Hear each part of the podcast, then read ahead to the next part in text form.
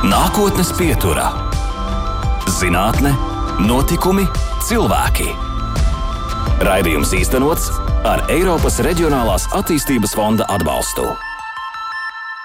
Ir rudens un sēņu laiks, tāpēc Instagram, Facebook un arī citvietā internetā video varam aplūkot laimīgus cilvēkus, kas lepnumā starojot atrāda savu varano rudens ķērienu. Pilnos sēņu grozus, galvenokārt jau baravikas, un jo lielākas, jo labāk. Bet šodien nākotnes pieturā runāsim par citām sēnēm, mikroskopiskām, toties ne mazāk vērtīgām. Un nākotnes pieturas viešņa divu augstskolu doktorante, Rīgas Tehniskās Universitātes ūdens pētniecības un vīdas biotehnoloģiju laboratorijas zinātniskā asistente Brigita Daļecka. Labdien, Brigita! Labdien! Nu, par tādām sēnēm runāsim. Jums ir projekts no cita aspekta, acīm redzot, tās ir sēnes, kas attīra ūdeni. Jā, es pētu notekūdeņu attīrīšanu bīstamajām vielām, izmantojot mikroskopiskās sēnes.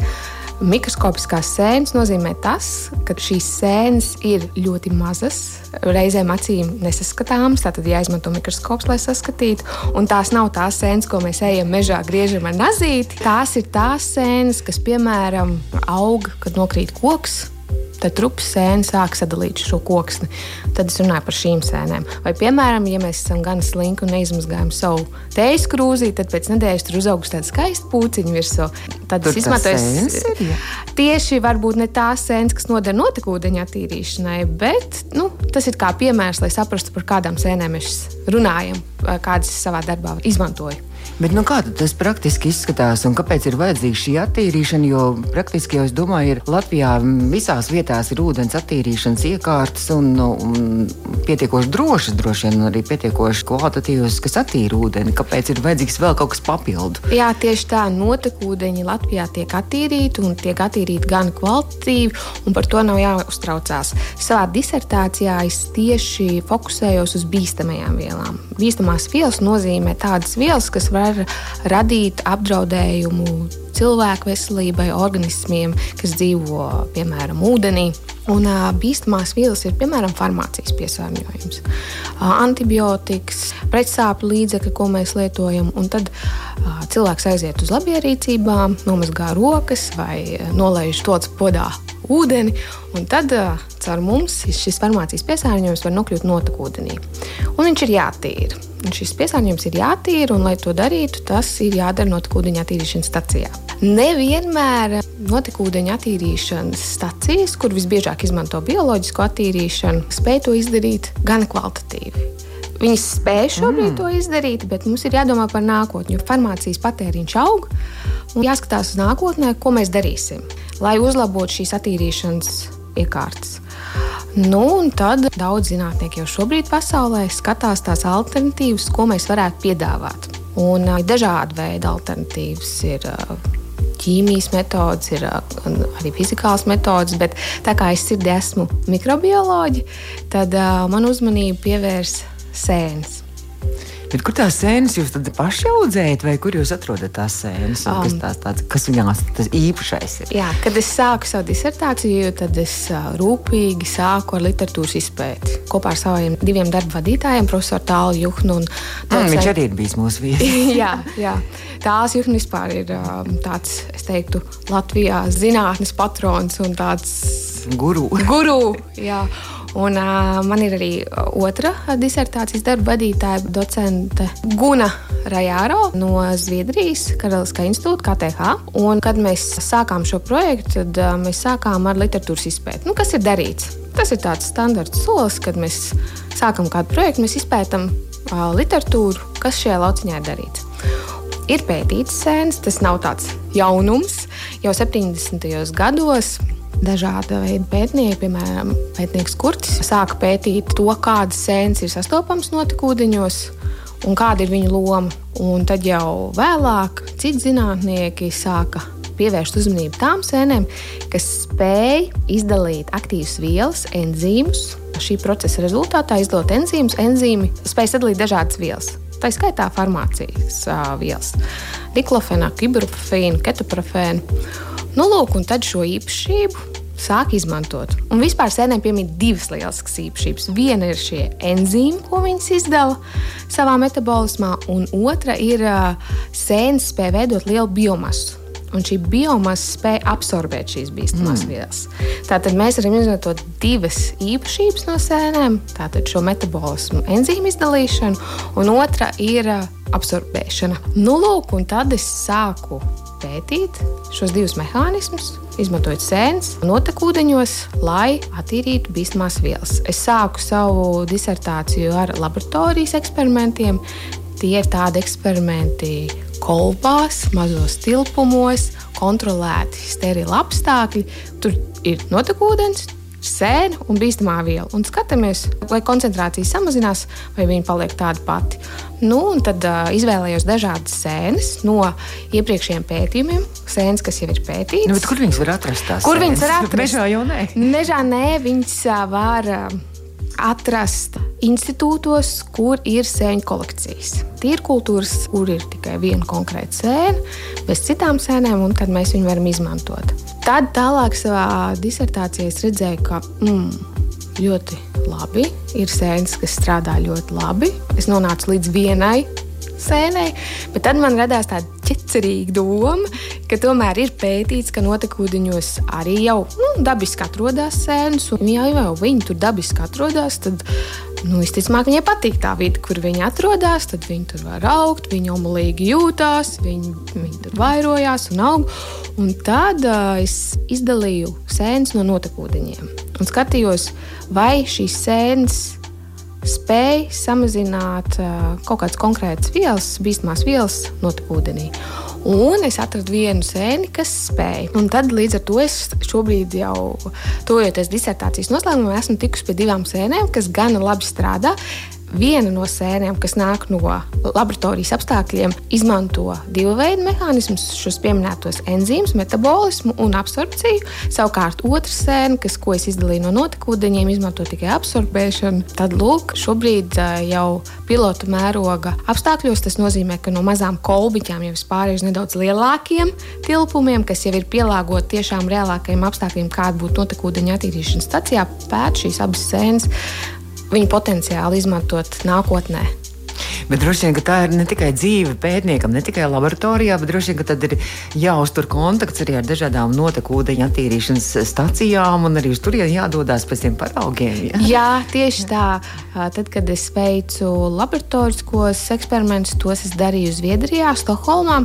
Un tad mēs jāsadarbojāmies ar Zviedrijas notekūdeņa attīrīšanas staciju, kuras reizi nedēļā vai reizi pa divām nedēļām devos ar kandiņām, ar pudelēm pakaļ notekūdenim. Jā. Un arī šeit, Latvijā, veicot jau pilotmēroga eksperimentus, arī sadarbojos notekūdeņa attīrīšanas stacija, kas man dod paraugus Jā, protams, ka sadarbībai ir jābūt.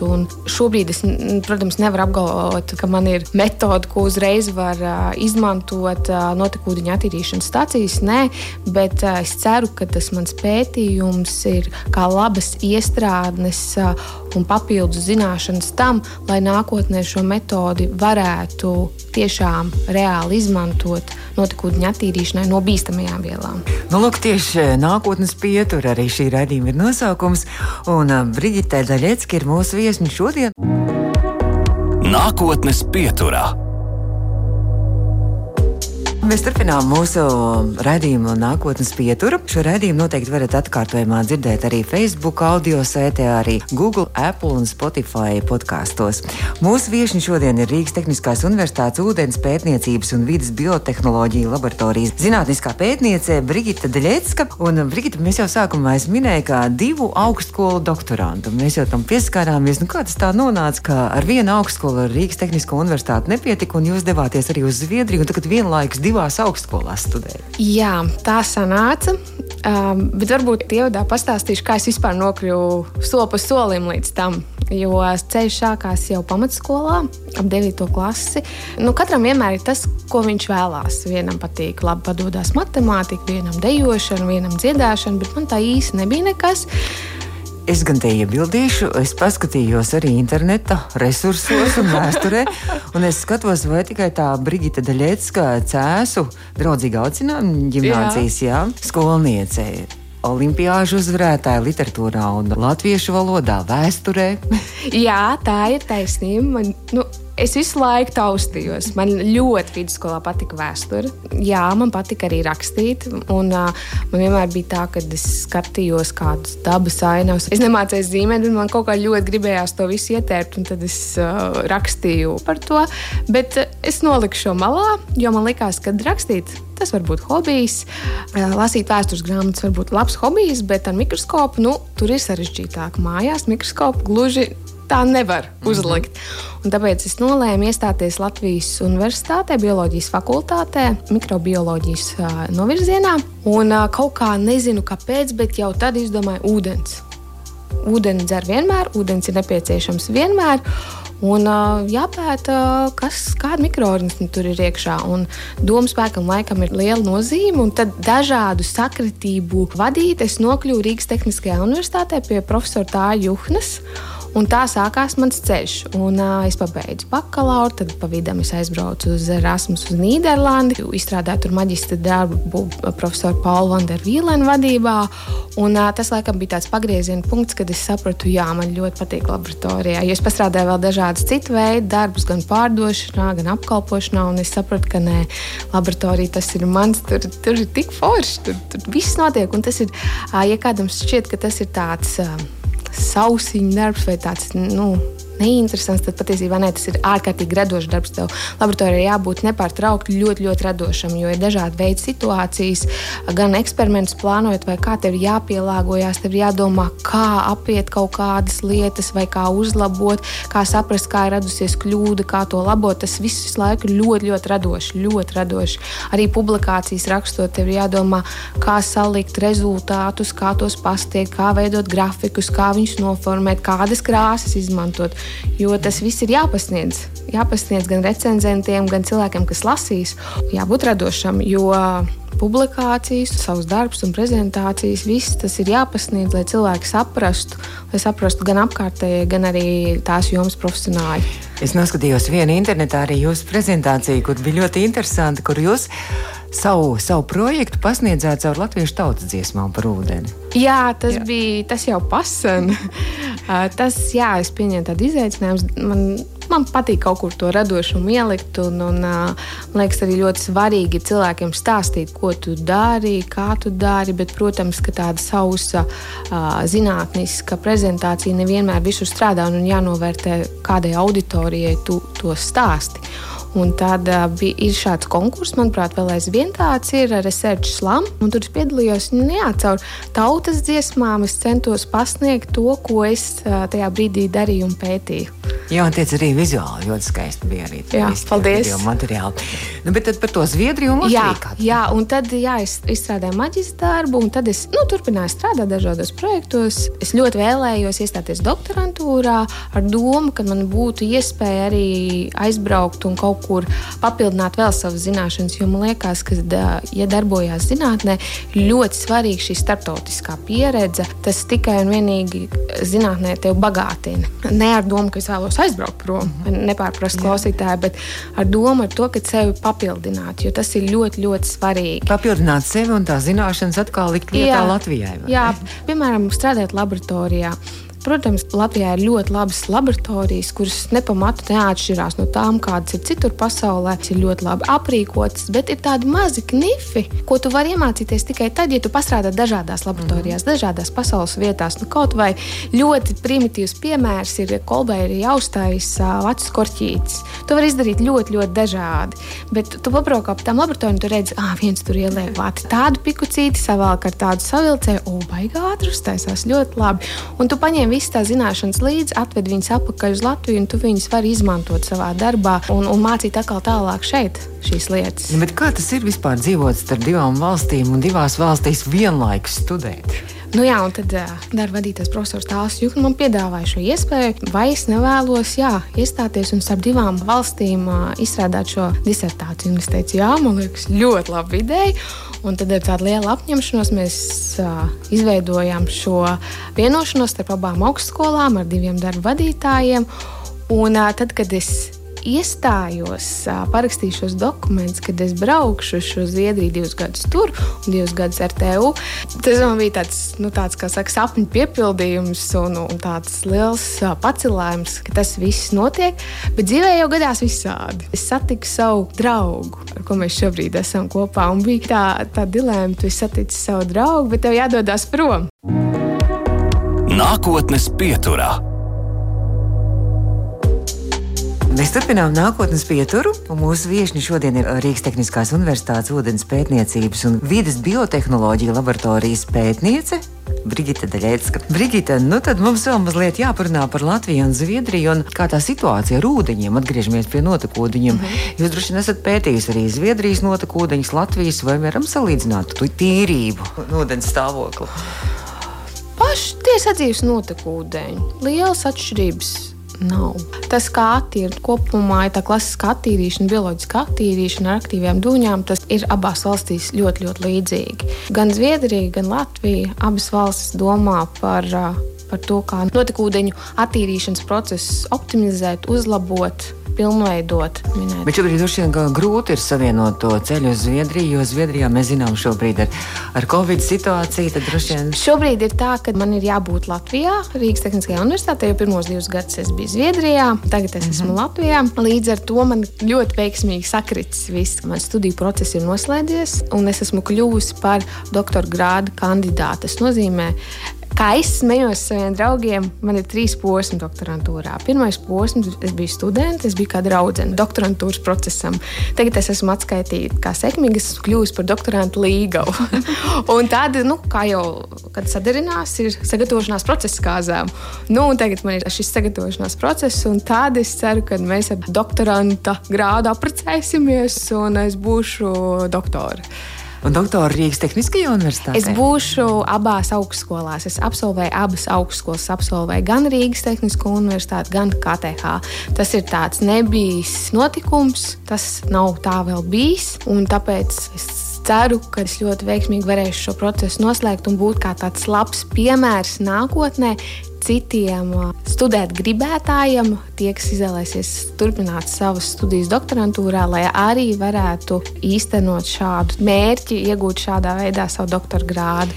Bet, Brigita, jūs esat arī pasniedzēja arī bijusi, ja? Es esmu, un es vēl aizvien ah. esmu, ja tā varētu to teikt. Es darbojos arī Rīgas Tehniskās Universitātes dizaina fabrikā, un es vadu aktivitāti vertikāli integrēts projekts, kas ir zem studiju inovāciju grantiem. Tā ir tāda jauna programma. Šī aktivitāte, kā es viņu mēdzu sauc par VIPu, tad VIP uzdevums, mērķis ir apvienot profesorus, zinātniekus, viņu zinātnisko darbību ar studentiem, lai risinātu kādu ilgtermiņa problēmu ar zinātnisku pieeju. Proti, šajā semestrī būs septiņas grupas, septiņas tēmas, septiņu profesoru vadībā, pa desmit studentiem. Katrā grupā tiek sadalīti un viņi risina dažādas problēmas. Piemēram, mums ir grupa Kosmos, Paula Irbina vadībā, kur viņu mērķis ir uzbūvēt raķeti un palaist kosmosā. Tad mums ir grupa profesora Rītā Juknas pavadībā Notekūdeņi,